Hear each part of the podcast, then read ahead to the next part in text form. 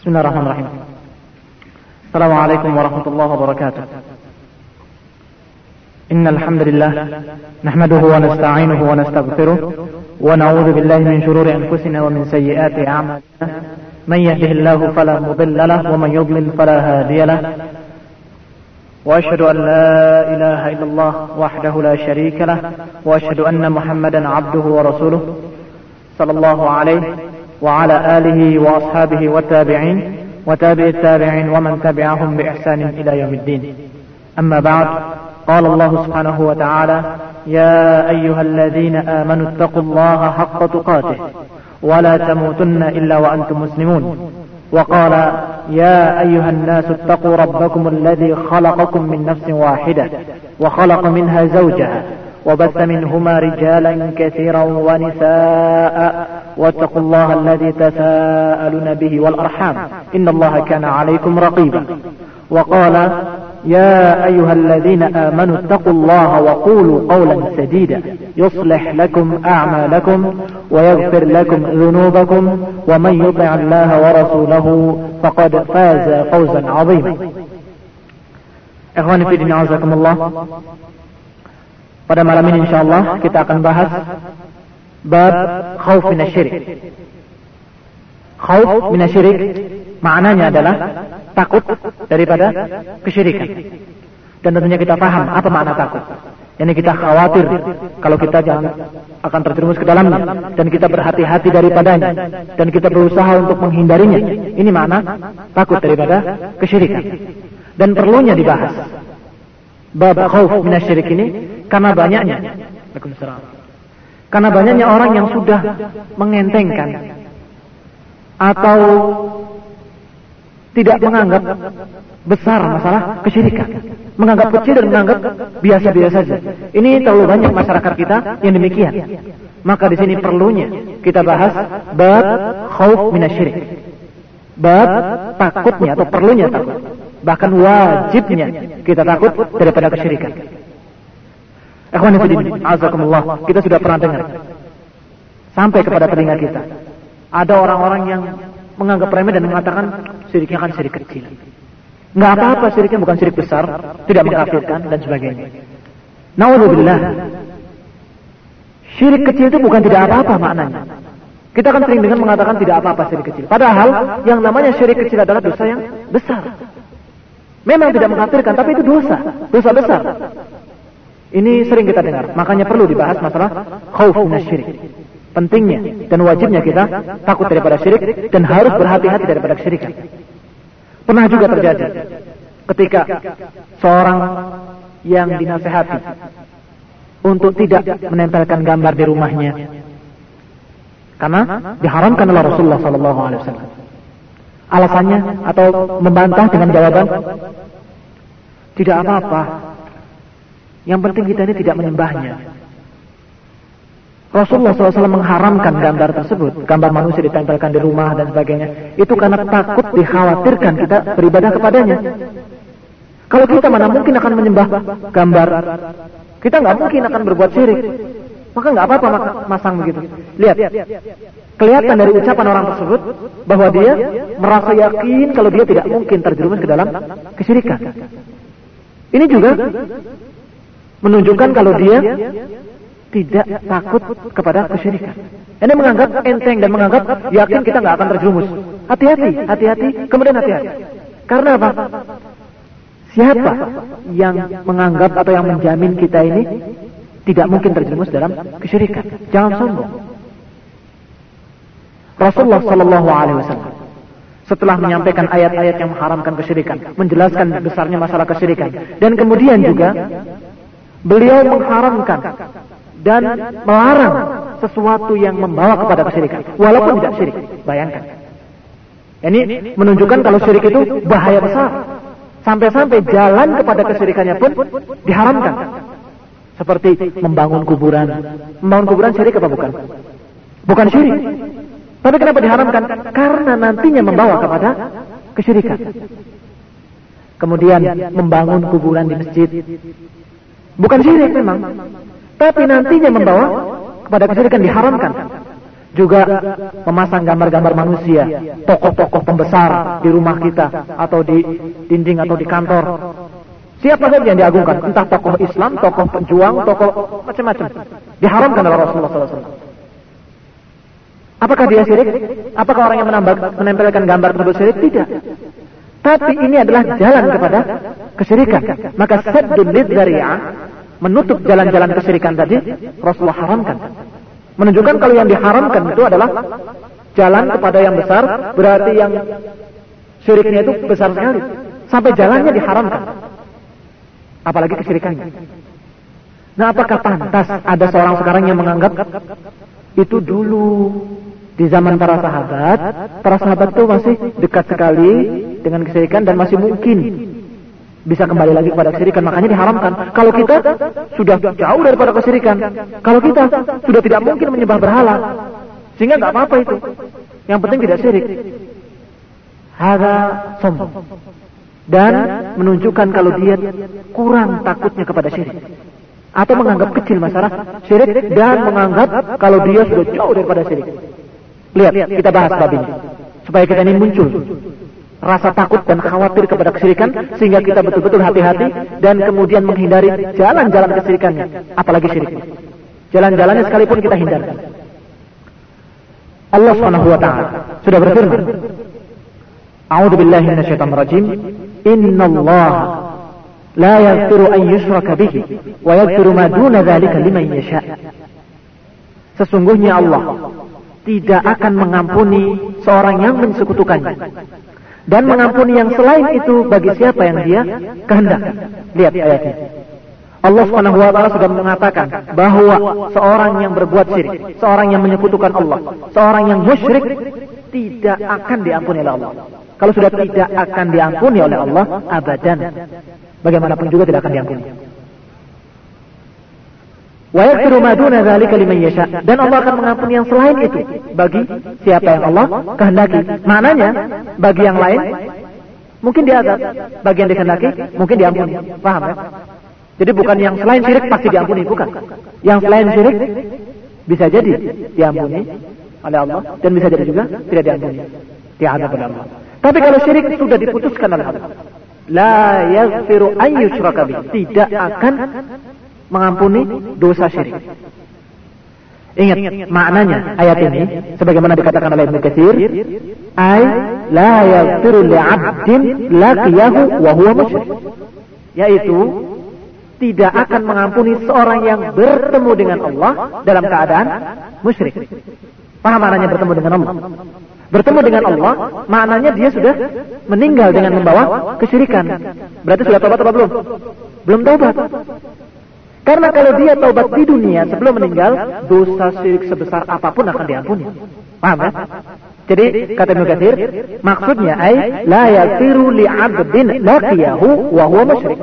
Tidak akan mengampuni seorang yang bertemu dengan Allah, yakni meninggal dalam keadaan membawa kesyirikan, tidak akan diampuni oleh Allah Subhanahu wa taala. Selama-lamanya, bagaimanapun juga dan kekal di neraka khalidan fiha abadan. Nauzubillah.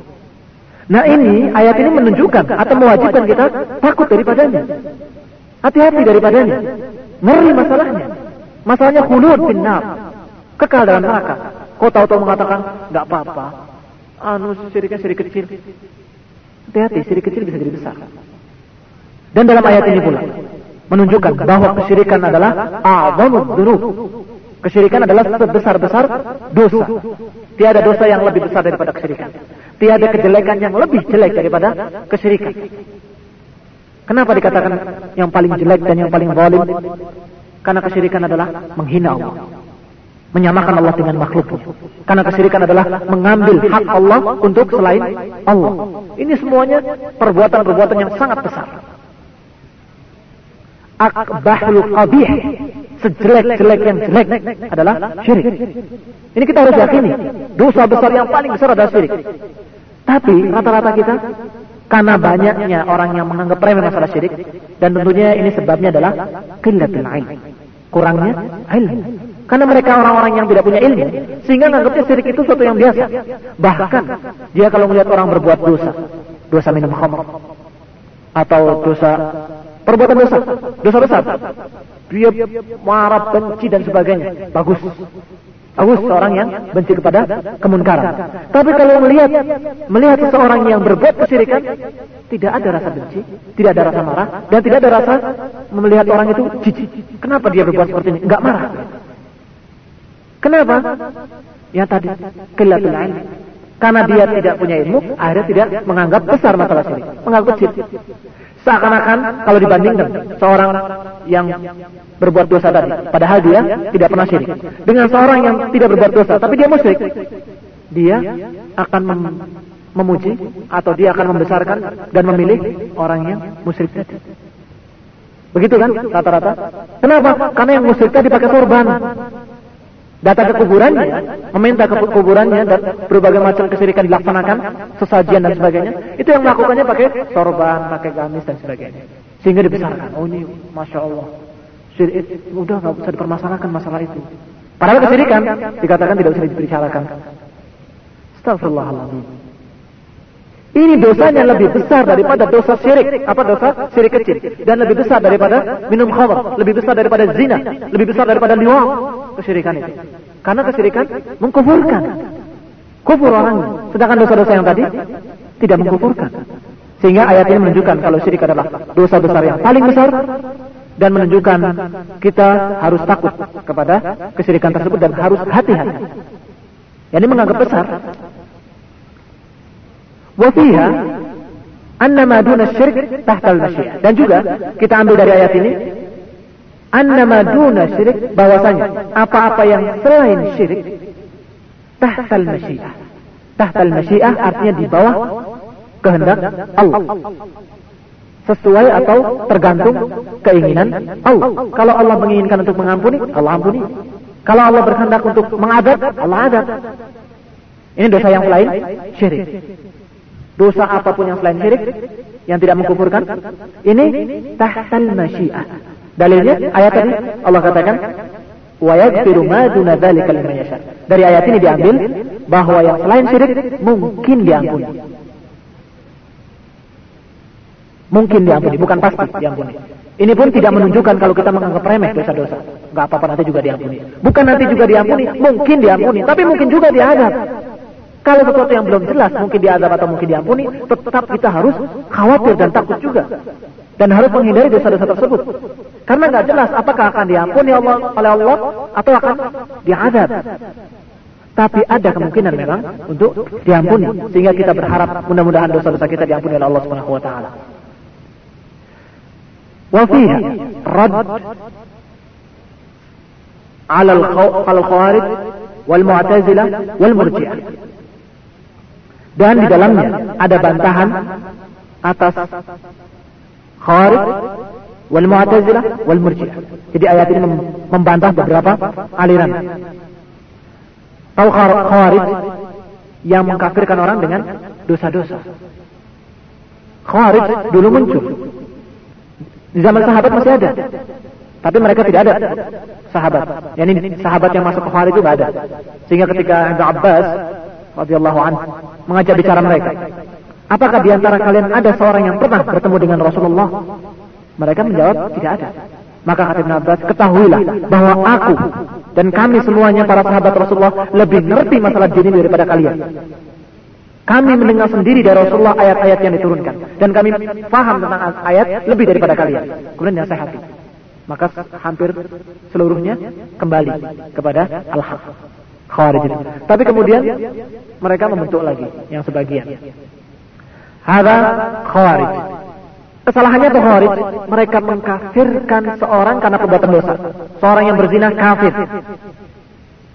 Seorang yang membunuh kafir. Seorang yang minum khamr kafir. Seorang yang berbuat dosa besar kafir. Ini Khawarij. Maka kata syarih di sini, mengatakan bahwa ayat ini membantah khawarij. Mana yang membantah khawarij? Ayat ini. Mana yang menunjukkan bahwa ayat ini merupakan bantahan terhadap khawarij? Kata-kata wa yaghfiru ma duna dzalika liman yasha. Allah akan mengampuni yang selain itu siapa yang dikehendaki bagi siapa yang dikehendaki oleh Allah Subhanahu. Sehingga kita katakan pada khawarij, wahai khawarij, bahwa dosa besar itu tidak mengkafirkan karena masih mungkin diampuni oleh Allah Subhanahu wa taala. Seorang yang meninggal dengan dosa besar itu masih mungkin diampuni. Maknanya masih mungkin diampuni berarti tidak kafir. Ada bantahan terhadap Khawarij. Kemudian Mu'tazilah. Al-Mu'tazilah mengatakan kalau seorang yang berbuat dosa besar, dia tidak mukmin dan juga tidak kafir. Fi manzilah baina manzilatain. Dia tidak dikatakan beriman, tapi tidak dikatakan juga seorang kafir. Terus apa? Kata mereka ada kedudukan di tengah-tengah antara Islam dengan antara mukmin dengan kafir. Apa itu kata dia? Manzilah fasiqin.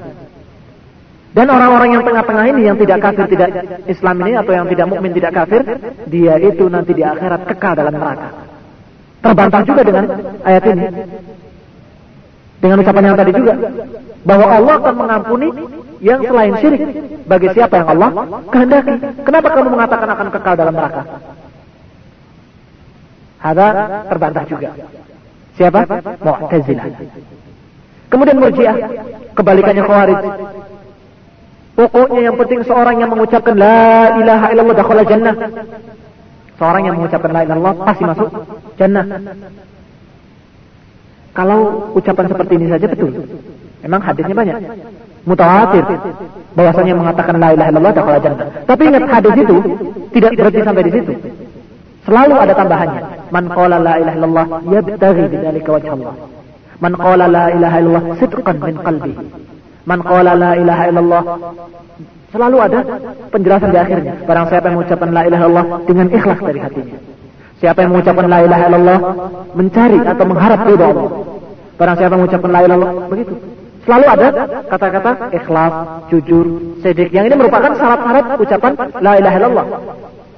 Nah, murjiah karena menganggap pokoknya yang mengucapkan la ilaha adalah muslim dan masuk jannah sehingga walaupun dia berbuat syirik-syirik besar mereka bilang dia masih tidak kafir yang penting dia juga masih mengucapkan la ilaha illallah kira-kira bagaimana pendapat ahli sunnah jamaah seorang mengucapkan la ilaha illallah tapi musyrik beribadah kepada kuburan beribadah kepada dewa dan dewi apa hukum apa dia muslim tidak kepakai la ilaha illallah karena apa? Dibatalkan oleh perbuatannya. Ucapan dia, la ilaha illallah, dibatalkan oleh perbuatannya. Jadi dia mengucapkan la ilaha illallah dengan lisannya, tapi membantah la ilaha illallah tadi dengan perbuatannya. Padahal yang namanya iman, dikatakan oleh seluruh para ulama, janan, wal a'mal, wal amal bil arkan. Ini jelas bila syak. Semua para ulama mengatakan demikian. Bahwa yang namanya iman itu ucapan dengan lisan, diyakini dalam hati, dan diamalkan dengan perbuatan. Nah ini mereka, murjiah, walaupun syirik dan sebagainya yang penting ucapan, ucapan la ilaha yang penting akan diampuni. Jadi yang penting mengucapkan la ilaha akan diampuni. Tapi ucapan la ilaha illallah itu ada syarat-syaratnya, kan begitu. Mana yang membantah? Inna Allah la yaghfiru an yushraka bihi. Allah tidak akan mengampuni dosa kesyirikan. Jadi kalau ada seorang yang mengucapkan Allah tapi kemudian melakukan syirik besar, tidak akan diampuni oleh Allah Subhanahu wa taala. Kalau dia tidak taubat, meninggal dalam keadaan membawa syirik, tidak akan diampuni. Abadan wa khalidan. Tidak kepakai ucapannya. Hada Murji'ah. Kemudian ada peringatan di sini, tanbih, peringatan bahwa ayat ini la yajuz hamlu hadil ayat ala taib. Ayat ini tidak boleh kita bawakan kepada seorang yang mau bertaubat. At-taib artinya bertaubat. Kenapa? Fa inna taib minasyirki maghfurun lah. Karena seorang yang bertaubat dari kesyirikan, kesyirikan sebesar apa pun, maghfurun lahu akan diampuni oleh Allah Subhanahu wa taala kalau taubat. Jadi jangan kita bawakan ayat ini kepada orang yang mau taubat. Datang kepada kamu satu orang musyrik yang syiriknya jelas kesyirikannya. Datang kepada kamu, saya mau taubat. Saya berbuat kesyirikan berbagai macam, saya mau taubat. Kemudian kamu katakan, "Innallaha la yaghfiru an yushraka bihi wa yaghfiru ma duna dzalika liman yasha." Allah tidak akan ampuni dosa syirik. Begitu? Ini keliru. Maka dikatakan oleh Syari Abdul Rahman, Syekh Abdul Rahman, Ali Syekh rahimahullah, dia mengatakan tendi. Bahwa ayat ini la yajuz hamluhu tidak boleh dibawa kepada orang yang mau tobat. Kenapa? Orang yang mau tobat akan diampuni dosa sebesar apa pun, syirikan bagaimanapun akan diampuni. Dalilnya Allah Subhanahu wa taala mengatakan kepada seorang yang taib. Kalau tadi Allah mengatakan pada orang yang meninggal dalam keadaan membawa dosa, kalau dosanya syirik tidak akan diampuni, dosa selain syirik mungkin diampuni. Tapi kalau orang itu mau taubat, ayatnya bukan ayat itu. Ayat yang Allah katakan, "A'udzubillahi minasyaitonir rajim."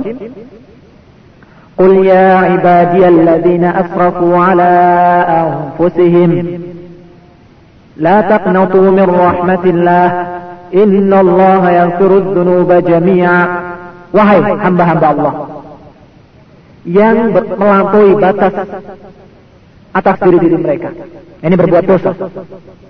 La taqnatu min rahmatillah. Jangan kalian berputus asa dari rahmat Allah. Sesungguhnya Allah akan mengampuni seluruh dosa. Lihat, seluruh dosa. Allah katakan, "Innallaha yaghfiru dzunuba jami'an." Allah akan mengampuni dosa seluruhnya. Syirik termasuk enggak? Termasuk syirik. Termasuk dosa besar. Termasuk berbagai macam dosa-dosa kesyirikan, kekufuran dan sebagainya akan diampuni seluruhnya. Syaratnya taubat. Taubat. Kalau seorang yang mau taubat kita bacakan ayat ini. Saya mau taubat bagaimana? Sungguhnya Allah akan mengampuni seluruh dosa kalau kamu taubat. Jadi jangan ketika orang taubat dikatakan innallaha la yaghfiru dzunub atau innallaha la yaghfiru an yushraka bihi. Keliru. Karena itu maknanya kata Ibnu Katsir, ketika seorang itu meninggal dengan membawa dosa. Kalau dia itu sebelum meninggal taubat, walaupun dosanya sepenuh bumi, walaupun dosanya mencapai langit, Walaupun dosanya itu 99 lembar catatan dosanya, yang setiap lembarnya itu sejauh mata memandang, Allah akan ampuni seluruhnya.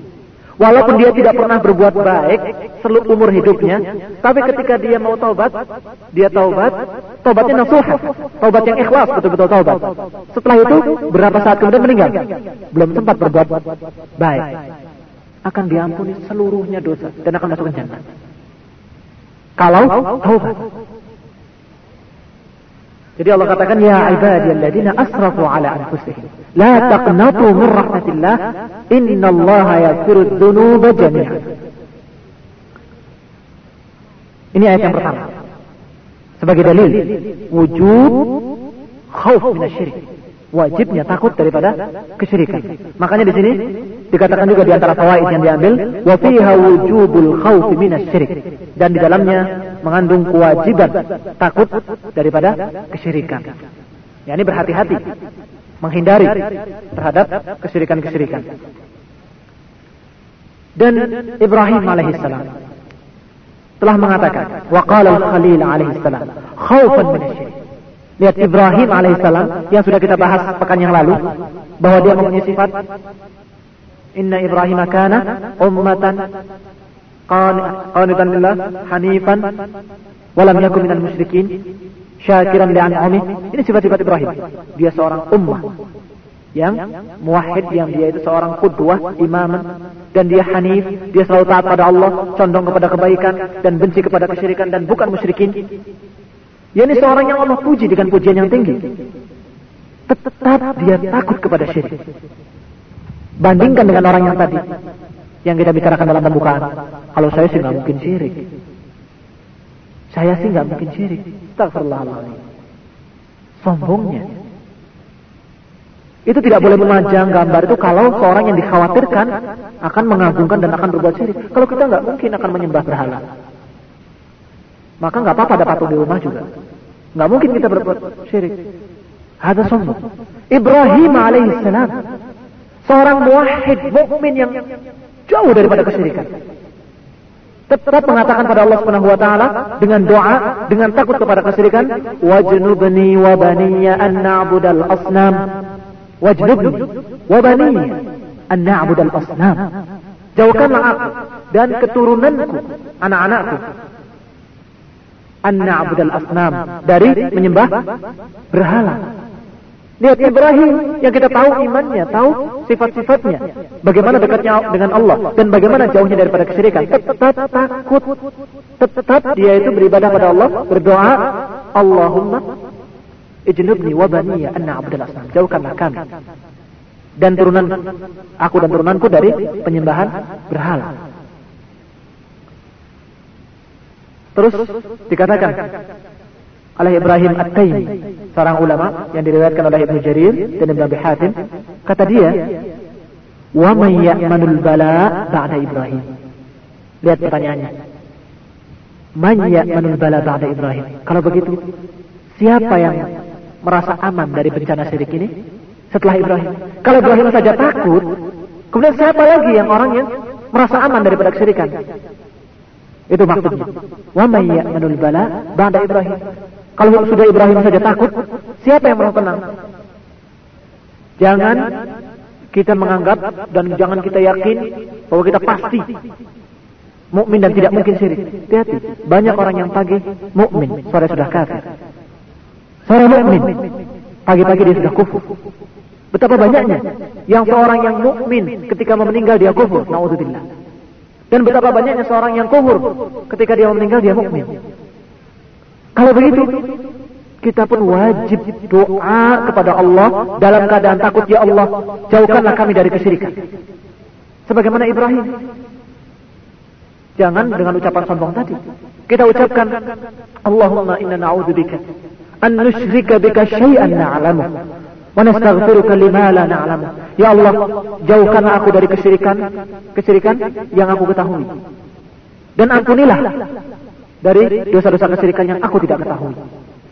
Ini menunjukkan kalau orang itu mukmin dan dia tahu kalau masalah keselamatan di dunia ini atau keserangsaraan, kecelakaan atau kesesatan itu ada di tangan Allah Subhanahu wa taala. Karena dia beriman bahwa Allah lah yang menentukan takdir, qada wal qadar, maka dia berdoa selalu kepada Allah dengan merasa takut kepada Allah Subhanahu wa taala dan takut daripada kesesatan dan kesyirikan. Faman ya'manul bala ba'da Ibrahim. Tepat kali kata beliau. Maka fala ya'manul bala ayal wuquf syirik illa man huwa jahilun bih. Maka tidak ada seorang yang merasa tenang daripada bencana ayul wuqu' syirik yaitu terjerumus ke dalam syirik kecuali man huwa jahil kecuali orang yang bodoh nggak ngerti apa itu syirik jadi nggak mungkin merasa tenang dari kesyirikan nggak mungkin seorang itu tidak takut atau merasa aman daripada bencana syirik kecuali seorang yang jahilun bisyirik nggak paham syirik itu apa sih sehingga dia merasa tenang sangkanya syirik itu dia pahami cuma sujud kepada berhala itu saja Masa saya akan sujud pada berhala? Begitu. Padahal Masya Allah syirik anwa macam-macam bentuknya kesyirikan itu. Di antaranya ar-riya. Nauzubillah min ar-riya. Riya termasuk kesyirikan. Walaupun bukan syirik besar tapi termasuk kesyirikan. Dan Rasulullah sallallahu alaihi wasallam bersabda, mengatakan kepada para sahabat, "Akhwafu ma akhafu alaikum syirkal asghar." Yang paling aku takutkan dan aku paling khawatirkan atas kalian adalah syirik kecil. Fasu'ila an. Fasu'ila an. Maka ditanyakan tentangnya. Apa itu ya Rasulullah? Dijawab oleh beliau, Ar-riya. Beliau menjawab, Ar-riya. Jadi riya adalah syirik kecil yang Rasulullah sallallahu alaihi wasallam mengatakan akhwafu ma akhafu alaikum. Syirkal asghar diriwayatkan oleh Imam Ahmad dan Baihaqi dan Tabrani. Rasulullah berbicara kepada siapa? Para sahabat. Para sahabat yang mukminin sadiqin kata siapa kata Allah jadi Allah yang sudah memuji bahwa para sahabat adalah mukminin sadiqin mereka itu imannya betul-betul iman tapi Rasulullah mengatakan, aku khawatir dan aku takut. Yang paling aku takutkan atas kalian adalah syirik kecil. Nah kalau sahabat saja dikhawatirkan daripada ria, apalagi kita? Lihat. Dikatakan, فَإِذَا كَانَ الشِّرْكُ الْأَصْغَرُ مُخَوَّفًا عَلَى أَصْحَابِ رَسُولِ اللَّهِ مَعَ كَمَالِ عِلْمِهِمْ وَقُوَّةِ إِيمَانِهِمْ فَكَيْفَ لَا يَخَافُهُ مَا وَمَا فَوْقَهُ مَنْ دُونَ مَنْ دُونَهُمْ kalau saja syirik yang kecil dikhawatirkan, ditakutkan akan menimpa para sahabat, Dan yang lebih daripada itu, ini siriknya sirik besar, man huwa dunahum. Siapa yang selain mereka? Yani dunahum itu di bawah mereka. Siapa yang di bawah mereka? Imannya dan agamanya. Bimaratib. Atau bimaratib. Dengan beberapa tingkat. Umat yang terbaik siapa? Para sahabat. Kemudian siapa? Para tabi'in. Kemudian siapa? Tabi tabi. Kemudian siapa? Para ulama yang mengikuti mereka. Kemudian siapa? Para murid-murid mereka yang mengikuti para ulama yang mengikuti para sahabat begitu. Nah kita ada di mana? Ini maknanya bimaratib.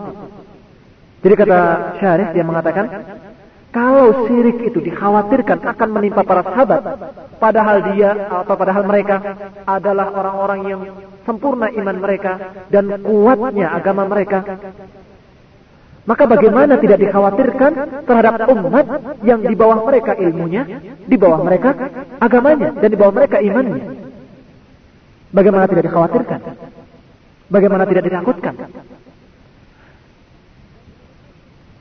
Dan syiriknya syirik besar, bukan syirik kecil. Akan mungkin akan menimpa syirik besar. Dianggap remeh. Padahal masih syirik kecil pun kita khawatirkan. Ini syirik besar dianggap remeh. Naudzubillah. Jadi mestinya kita lebih takut. Karena kita jauh di bawah para sahabat di maratib. Kita bukan sahabat, bukan tabi'in, bukan tabi' tabi'in, bukan para ulama, bukan murid-murid para ulama yang mereka itu mengikuti para ulamanya. Bukan, bukan, bukan semuanya, bukan. Orang awam, orang yang ilmunya sedikit, imannya pun nggak jelas. Jadi kita ini khawatir mestinya, takut dan berdoa kepada Allah Subhanahu wa taala. Doa kepada Allah dengan doa yang ikhlas. Ya Allah, jauhkan aku dari berbagai macam kesyirikan yang aku ketahui. Yang aku ketahui. Dan aku minta ampun kepada engkau dari kesyirikan-kesyirikan yang aku tidak ketahui. Ini kesyirikan-kesyirikan kecil. Karena ada syirik yang khafi. Dari Hudzaifah diriwayatkan Hudzaifah bin Yaman radhiyallahu anhu dari Abu Bakar Siddiq dari Nabi sallallahu alaihi wasallam bahwa beliau mengatakan asyirku akhfa min dabibin naml Kesyirikan itu lebih samar daripada rayapan semut atau langkahnya semut. Samarnya. Jadi syirik itu ada yang khafi, ada yang hampir nggak kelihatan. Ini ngeri. Asyirku akhfa min bin nam. Kesyirikan itu lebih samar daripada langkahnya semut. Maka Abu Bakar mengatakan kepada beliau, Wahal syirik ya Rasulullah, wahal syirik illa ma ubida min dunillah wa au du'ya au ma du'ya ma Allah. Ya Rasulullah, bukankah syirikan itu adalah hanya yang diseru selain Allah dan yang diibadahi selain Allah? Maka beliau menjawab, Sakilat ka ummuk. Asyirku fikum akhfa min dabibin naml. Sakilat ka ummuk. Maknanya adalah, ibumu kehilangan kamu. Artinya, bagaimana kamu ini? Kok seperti ini? Rugi ibu kamu punya anak seperti kamu. Syirik itu lebih samar daripada Dabi bin Naml. Jadi bukan cuma itu saja. Bukan cuma beribadah pada selain Allah. Dan kemudian menyeru pada selain Allah. Ada syirik-syirik yang akhfa bin Dabi bin Naml. Lebih samar daripada langkahnya semut.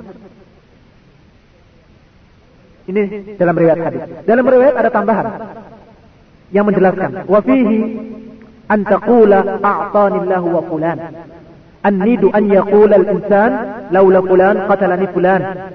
Di antaranya, contoh-contohnya sidik yang samar adalah seorang mengatakan atau engkau mengatakan ini adalah berkat pemberian Allah dan kamu. Ini berkat jasa Allah dan kamu. Atau nid yang disebut nid kata Rasulullah alaihi seorang mengatakan laula fulan qatalani fulan. Kalau tidak karena fulan, saya dibunuh fulan. Astagfirullah. Ini syirik yang khafi, yang sama. Kalau enggak karena fulan, saya tentu dibunuh sama fulan. Untung ada saya. Untung ada fulan. Kalau enggak ada fulan, saya terbunuh. Ada fulan, enggak ada fulan. Kalau kamu takdirnya enggak terbunuh, enggak akan terbunuh. Ada fulan, enggak ada fulan. Kalau kamu takdirnya terbunuh, pasti terbunuh. pasti mati. Begitu mestinya. Ini seorang mukmin. Berarti ucapan-ucapan tadi syirik juga. Maka Rasulullah mengatakan pada Abu Bakar, "Sakilat ke ummuk. Asyirku fikum akhfa min dabibin naml." Syirik di antara kalian itu lebih samar daripada langkahnya semut. Bahkan ada di dalam riwayat ruwiyah bahwa syirik itu ada yang seperti semut hitam di atas batu yang hitam di malam yang kelam. Sampai sahabat bertanya, ya Rasulullah kalau begitu bagaimana menghindarinya? Kalau semut itu seperti atau syirik itu seperti semut yang hitam di atas batu yang hitam dan di malam yang gelap Tentunya susah menghindarinya. Bagaimana ya Rasulullah cara menghindarinya? Maka Rasulullah menjawab pada mereka dengan mengajarkan doa. Diajarkan doa. Diingat-ingat doanya. Allahumma inna na'udhu bika min an nushrika bika syai'an na'alamu wa nastaghfiruka lima la na'lamu. Sallallahu alaihi wasallam. Allahumma salli wa sallim alaihi. Mengajarkan sesuatu doa yang penting sekali. Memang kita susah untuk melihat karena kecilnya dan karena gelapnya. Bagaimana kesirikan itu enggak sama. Tapi diajarkan doa yang harus selalu kita doakan. Ya Allah, aku berlindung kepada engkau dari perbuatan syirik. Ini daripada kami berbuat syirik. Yang aku ketahui. Dan aku minta ampun kepada engkau dari syirik-syirik yang aku tidak ketahui. Jadi kalau ada yang pernah kita lakukan tanpa sadar, atau kita nggak tahu atau dan sebagainya, kita sudah minta ampun pada Allah. Allahumma inna na'udzubika min an nusyrika bika syai'an na'lamu wa nastaghfiruka lima la na'lamu.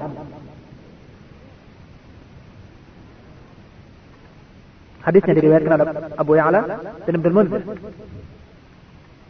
Kemudian Ibnu Mas'ud radhiyallahu an mengatakan, bahwa Rasulullah sallallahu alaihi wasallam bersabda, "Man mata wa huwa yad'u lillahi niddan dakhala an-nar." Beliau bersabda dengan ucapan yang ringkas, jelas, barang siapa seorang yang mati dalam keadaan dia menyeru selain Allah, nid, jadi menyeru nid selain Allah, maka dia masuk nar. Praktis. Man mata wa huwa lillahi niddan dakhala nar tidak bisa diprotes, enggak bisa dirubah. Halal. Riwayatnya sahih diriwayatkan oleh Bukhari. Pokoknya orang yang meninggal dalam keadaan menyeru selain Allah masuk neraka kekal di dalamnya.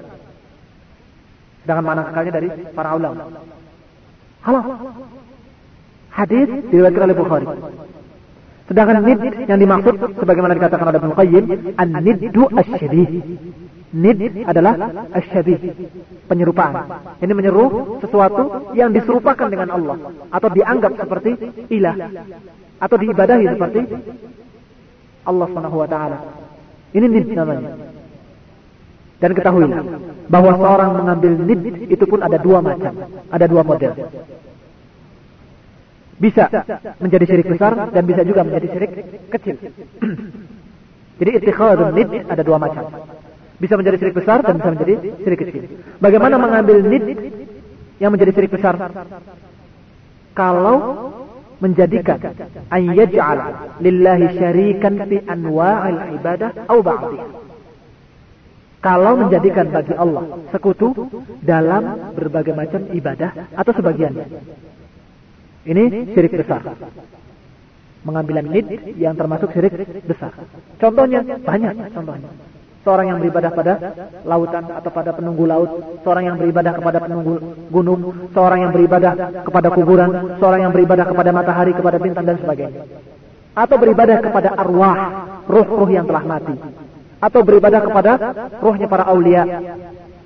Hada syirkun akbar. Ini pengambilan atau disebut mengambil nid. Kemudian yang kedua, syirkul asghar. Yaitu seorang yang mengucapkan, ini contohnya saja. Di antara contoh syirik asgar, Masya Allah wa syi'ta. Ini adalah atas kehendak Allah dan kehendaknya. Ucapan ini mengambil nih. Kenapa?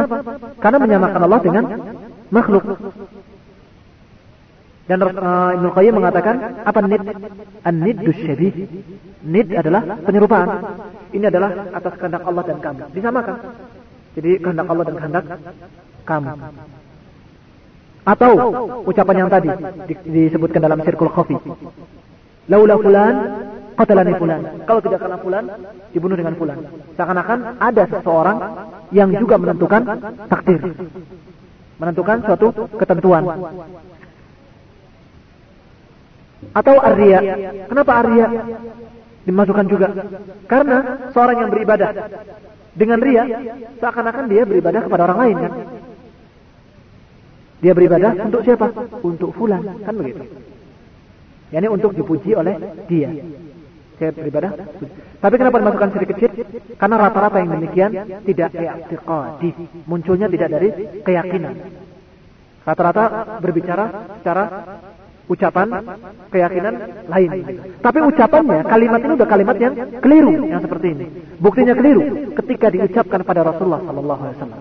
Lihat riwayatnya. Waqad sabata 'an Nabi sallallahu alaihi wasallam. Telah sabit riwayatnya dari Nabi sallallahu alaihi wasallam dalam riwayat Imam Ahmad dan Ibnu Abi Syaibah dan Bukhari tapi dalam Adabul Mufrad dan Imam Nasai dan Ibnu Majah bahwa ketika Rasulullah sallallahu alaihi wasallam dikatakan kepadanya oleh rajul ini lamma qala lahu rajul ketika seorang berkata kepadanya masya Allah syi'ta. Ini adalah atas kehendak Allah dan kehendak engkau ya Rasulullah. Rasulullah membantah dengan ucapan aja'altani lillahi niddan. Apakah engkau menjadikan aku sebagai sekutu Allah? Lihat menunjukkan kalau ucapan tadi keliru ini adalah atas kehendak Allah dan kehendak kamu. Padahal Rasul alaihissalatu wassalam tetap nggak boleh dan Rasul nggak ridho. Sehingga mengatakan aja'altani lillahi niddan? Apakah engkau menjadikan aku sekutu bagi Allah? Bal masya Allah wahdah. Bahkan ini adalah atas kehendak Allah sendirinya. Sallallahu alaihi wasallam. Lihat. Lihat Rasulullah alaihi wasallam walaupun dirinya yang disekutukan dengan Allah tetap dia bantah dan ini adalah keliru ucapannya. Bahkan mestinya diucapkan ini adalah atas kehendak Allah sendiri. Lain dengan orang-orang yang sekarang. Seorang yang tertipu atau seorang yang lupa digoda oleh syaitan karena dia sudah dibesarkan sebagai kiai atau dibesarkan sebagai orang yang besar. Ketika ada orang yang mengatakan ini adalah segala-galanya karena kamu dan ini semuanya berkat jasa kamu. Atau dikatakan malah bangga dan tidak mengingatkan ini ucapkan alhamdulillah. Nggak ingatkan begitu. Bangga malah malah bertambah tinggi jalannya bertambah sombong. Lihat Rasulullah sebagai contoh uswah hasan. Walaupun dirinya disamakan dengan Allah abadan dia menolak. Aja'atani lillahi niddan apakah engkau menjadikan aku sebagai sekutu Allah? Ini termasuk syirik-syirik yang khafi dan syirik-syirik yang kecil yang rata-rata terjadinya sering dan tanpa sadar. Sering kita ucapkan, hati-hati. Hati-hati. Dan ini juga menunjukkan mestinya kita khawatir berhati-hati terhadap kesyirikan. Karena demikian banyaknya bentuk kesyirikan, masih banyak lagi macamnya kesyirikan. Ada syirik dalam cinta. Wa minan nasi man yattakhidhu min dunillahi andadan yuhib yuhibbunahum ka. Di antara manusia ada yang mengambil sekutu-sekutu selain Allah mencintai mereka seperti mencintai Allah. Ini syirik. Syirik mahabbah. Juga dalam ayat lain Allah katakan tentang syirik masalah syirik ta'ah. Ittakhadhu akhbarahum ahbarahum wa rahbanahum arbaban min dunillah wal masih ibn Maryam. Mereka mengambil pendeta-pendeta mereka, ulama-ulama mereka dan kiai-kiai mereka sebagai Tuhan-Tuhan selain Allah. Di dalam tafsirnya ternyata mentaati mereka seperti mentaati Allah. Kalau mereka menghalalkan apa yang haram, mengharamkan apa yang halal, tetap ditaati. Ini syirik juga. Syirik ta'ah. Dan nanti ada lagi syirik-syirik yang lain yang berbagai macam bentuk syirik. Sehingga kalau ada orang yang mengatakan, kalau saya nggak mungkin syirik, masa saya akan beribadah pada berhala? Nggak mungkin. Jadi tidak mungkin ada orang mengucapkan demikian kecuali dia itu jahilun bih. Fala ya'manul bala ay wuqu' min asyirik illa Man huwa jahilun bih. Tidak ada orang yang tidak takut kepada kesyirikan. Tidak khawatir terhadap kesyirikan. Dan merasa tenang. Kecuali orang itu bodoh, nggak paham terhadap apa itu syirik. Nggak ngerti apa maknanya kesyirikan dan apa macam-macam. Terakhir, hadis dalam riwayat Muslim. Dari Jabir radhiyallahu anhu bahwa Rasulullah sallallahu alaihi wasallam telah bersabda dengan ucapan yang hampir seperti tadi Man laqiyallahu la yusyrik bihi syai'an dakhala al-jannah. Wa man laqiyahu yusyrik bihi syai'an dakhala an-nar. Lihat ucapannya. Praktis. Riwayatnya pun sahih dari riwayat Muslim Pokoknya kata Rasulullah, "Man laqiyallahu la yusyrik bihi syai'an dakhala jannah." Barang siapa yang bertemu Allah dalam keadaan tidak syirik atau tidak mensekutukannya dengan suatu apa pun, dia masuk jannah. Dan kebalikannya, barang siapa yang bertemu dengan Allah dengan mensekutukannya dengan sesuatu, maka dia masuk neraka. Kalau tidak ada yang tengah-tengah. Imma dia itu syirik atau tidak syirik. Man Allah, barang siapa yang bertemu dengan Allah, dia tidak mensekutukan Allah dengan suatu apa pun, masuk neraka. Apa masuk jannah. Dan barang siapa yang mensekutukan Allah, bertemu dengan Allah dalam keadaan syirik, dia masuk neraka. Jadi urusannya neraka dan jannah, apa urusannya? Masalah syirik dan tidak syirik. Terbukti, kalau masalah surga dan neraka, urusannya adalah masalah dia seorang muahid atau seorang musyrik. Apakah dia bertauhid atau syirik? Begitu. Seorang yang bertauhid masuk jannah, seorang yang musyrik masuk neraka. Lihat ucapan Imam Nawawi kalau kita ada yang bertanya, kok cuma tidak syirik saja syaratnya? Maka jawabannya dijawab oleh Imam Nawawi. Ah, afwan, Imam Hafiz Ibn Hajar al-Asqalani. Jadi kalau ada yang bertanya, Kok cuma nggak syirik saja syaratnya masuk jannah? Kalau cuma itu jawabannya kata Ibnu Hajar, iqtasara ala nafi syirki listid'a'ihi at-tauhid bil iqtida wa istid'a'ihi isbat risalah bil luzum. Rasulullah meringkas hanya tidak syirik saja karena tidak syirik itu mengharuskan orang itu bertauhid Bil iqtida, artinya dengan suatu keharusan. Wastid'ahu dan menjadikan atau memastikan dia itu meyakini atau mengimani kerasulan. Ini beriman pada Rasul dengan suatu keharusan. Kenapa begitu? Id man kadzdzaba Rasulullah faqad kadzdzaba Allah, wa man kadzdzaba Allah fahuwa musyrik. Karena kalau orang mengkufuri Rasul berarti mengkufuri Allah. Seorang yang mendustai Rasul berarti mendust, atau mendustakan Rasul berarti dia mendustakan Allah yang mengutusnya. Dan barang siapa yang mendustakan Allah, maka dia musyrik. Jadi ingat, seorang yang tidak syirik pasti bertauhid. Apakah mungkin ada orang yang tidak berbuat syirik tapi dia tidak bertauhid? Tidak ada. Jadi kata Imam Ibn Hajar al-Asqalani, beliau mengatakan Syaratnya cuma tidak syirik karena orang yang tidak syirik pasti bertauhid dan seorang yang bertauhid pasti beriman kepada Rasul. Kalau seorang tidak beriman kepada Rasul, dia berarti tidak beriman kepada Allah yang mengutusnya. Kalau tidak beriman kepada Allah, apalagi kalau bukan musyrik. Paham ya? Maka beliau mencontohkan. Maka ucapan Rasulullah tadi dalam hadis seperti ucapan kamu mengucapkan man tawaddaa sahhat salatuh. Barang siapa yang berwudu sah salatnya. Tentunya kata beliau, iris syurut. Tentunya dengan syarat-syaratnya. Kalau saya mengatakan, atau kalau kita mengatakan, seorang yang berwudu sah salatnya. Benar apa enggak? Benar kan? Memang seorang yang berwudu sah. Sebab kalau tidak berwudu, tidak sah. Seorang yang punya hadas dalam keadaan tidak suci, sholat tanpa wudu sah? Enggak sah. Maka kita katakan kalau dia berwudu baru sah sholatnya. Nah sekarang ada yang berwudu tapi sholatnya nggak benar apa sah? Nggak melaksanakan kewajiban-kewajibannya. Nggak sah juga kan? Berarti maknanya kita bilang seorang yang berwudu sah sholatnya, tentunya kalau sholatnya benar. Kalau sholatnya baik. Demikian apa demikian juga ucapan Rasulullah tadi. Barang siapa yang tidak syirik masuk jannah. Tentunya seorang yang tidak syirik berarti seorang yang bertauhid dengan syarat-syaratnya. Syarat-syaratnya apa? Jujur dari hatinya, yakin, ikhlas, mengamalkan amalan-amalannya, perintah-perintah Allah dan menjauhi larangan-larangannya dan sebagainya. Ini syarat-syaratnya, ya kan? Jadi sama dengan ucapan kamu, barang siapa berwudu, sah salatnya. Tentunya kalau salatnya juga benar.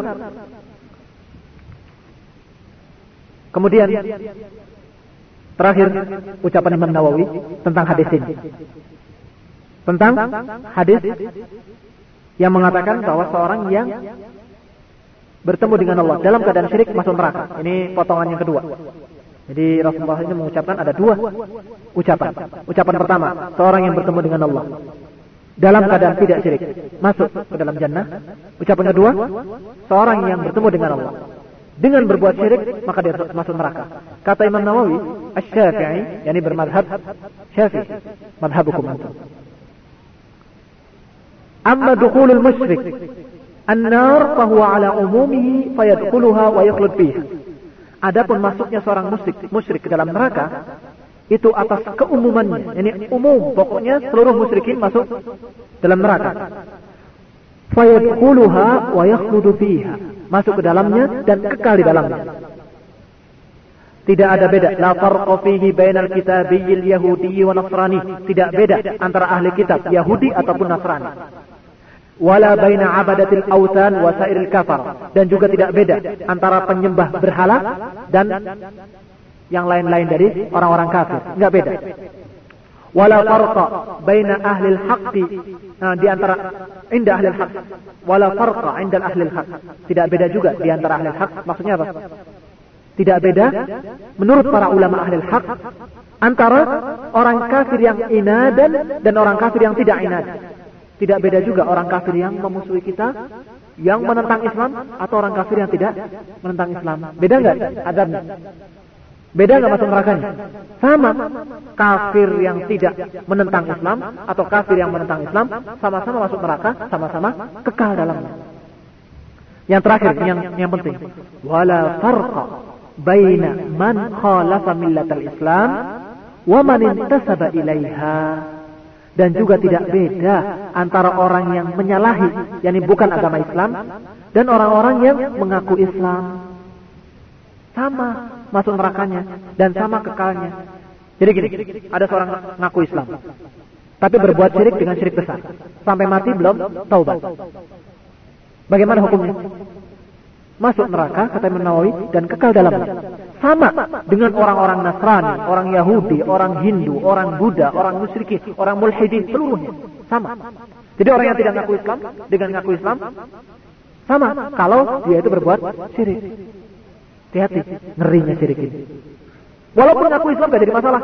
Kalau dia masih berbuat syirik besar dan mati dalam keadaan membawa syirik besar, masuk dalam nerakanya sama dengan orang-orang kafir orang Hindu yang menyembah patung-patung.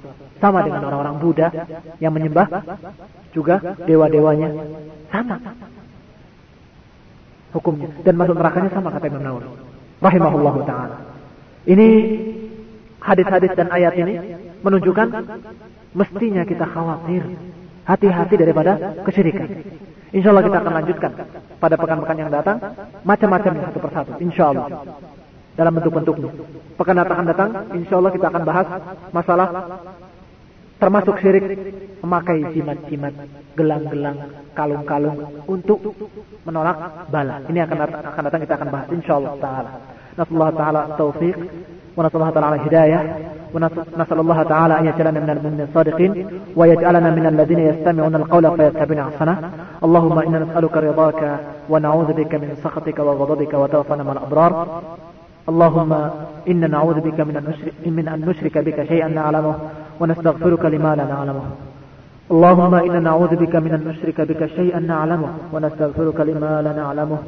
اللهم إنا نعوذ بك من أن نشرك بك شيئا نعلمه ونستغفرك لما لا نعلمه. اللهم إنا نسألك علما نافعا. ورزقا طيبا وعملا متقبلا. اللهم ربنا آتنا في الدنيا حسنة وفي الآخرة حسنة وقنا عذاب النار. ربنا اغفر لنا ولإخواننا الذين سبقونا بالإيمان. ولا تجعل في قلوبنا غلا للذين آمنوا. ربنا إنك رؤوف رحيم.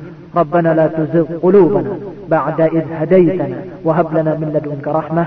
إنك أنت الوهاب. ربنا هب لنا من أزواجنا وذرياتنا قرة أعين واجعلنا للمتقين إماما. ربنا إننا سمعنا مناديا ينادي للإيمان أن آمنوا بربكم فآمنا. ربنا فاغفر لنا ذنوبنا وكفر عنا سيئاتنا وتوفنا مع الأبرار. أمين يا رب العالمين اللهم صل وسلم على محمد وعلى آله وأصحابه وسلم تسليما كثيرا سبحانك اللهم وبحمدك أشهد أن لا إله إلا أنت أستغفرك وأتوب إليك وجزاكم الله خيرا Dan sebelum ditutup dengan salam, barangkali ada pertanyaan, silakan. Jadi pertanyaan masalah wudhu. Walaupun ini keluar dari permasalahan, sebenarnya kita menerangkan tadi wudhu itu cuma bukan masalah wudhunya yang kita bahas, cuma contoh saja. Dan contohnya pun bukan seperti yang kita maksudkan. Man tawadda'a sahhat salatuhu artinya barang siapa yang berwudu sah salatnya. Maksudnya yang tidak wudu dalam keadaan dia muhdis, ini punya hadas, tidak sah salatnya. Tapi kalau sudah berwudu sah salatnya walaupun wudunya tidak tepat. Walaupun wudunya kurang benar, tapi dia berwudu, insya Allah sah salatnya. Paham ya? Satu. Kalau bertanya masalah yang benar mana? Karena melihat orang India lain cara wudunya. Orang Arab, orang Saudi malah wudunya satu kobokan cukup dan sebagainya. Saya katakan kalau masalah satu kobokan cukup ada dalilnya. Bahwa bahkan Rasulullah SAW kalau berwudu cukup satu mud. Satu mud itu lebih kecil dari sekedar gayungnya kamu yang di, di, di kamar mandi. Lebih kecil dari itu. Segini kurang lebih. Cukup. Berwudu itu Rasulullah. Dan tidak mesti tiga kali tiga kali. Rasulullah pernah dua kali dua kali. Bahkan pernah sekali sekali. Jadi semuanya benar itu. Kecuali kalau yang dia sudah memang menyalahi dan tidak mengikuti sunnah. Kalau yang berbagai macam ada yang satu kali saja, ada yang tiga kali, nggak jadi masalah. Kalau satu gayung, nggak jadi masalah. Tapi hati-hati kalau sampai ada yang kering, nggak kena. Ini yang sampai Rasulullah mengatakan, wailun lil aqabi minan nar. Wailun lil aqabi minan nar. Celaka. Yani hati-hati dari api neraka gara-gara masalah aqab. Tahu aqab? Ini belakang kaki ketika ada seorang yang berwudu, kakinya masih kering di belakang. Maka Rasul mengatakan, jangan sampai kau masuk neraka gara-gara masalah kaki kamu. Enggak, enggak benar wudunya.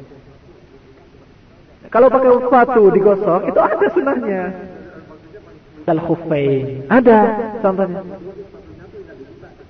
Iya, iya, iya. Iya. Makanya kita belajar nanti insya Allah. Belajar. Itu namanya masalah khuffain. Disunahkan Rasulullah masalah khair. Kalau kamu kedinginan, nggak berani buka sepatu, gosokkan begini. Dari kanan dulu. Nggak apa-apa. Syaratnya, ketika kamu pakai waktu itu, dalam keadaan sudah berwudu. Bukan belum batal. Waktu makainya sepatu itu dalam keadaan sudah berwudu. Nah kalau batal, kentut, kamu wudu, kaki nggak usah dicuci, tinggal diusap saja sepatunya. Kalau kenapa kok harus disap, nggak usah disap lagi kan udah bersih. Pokoknya Rasulullah menyunahkan begitu dan mencontohkan.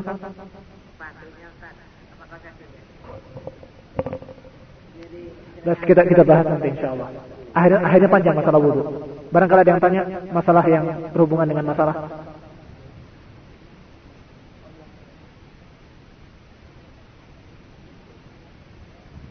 Jadi kalau pertanyaan masalah cincin dan sebagainya kita akan depan insya Allah. Karena akan bahas.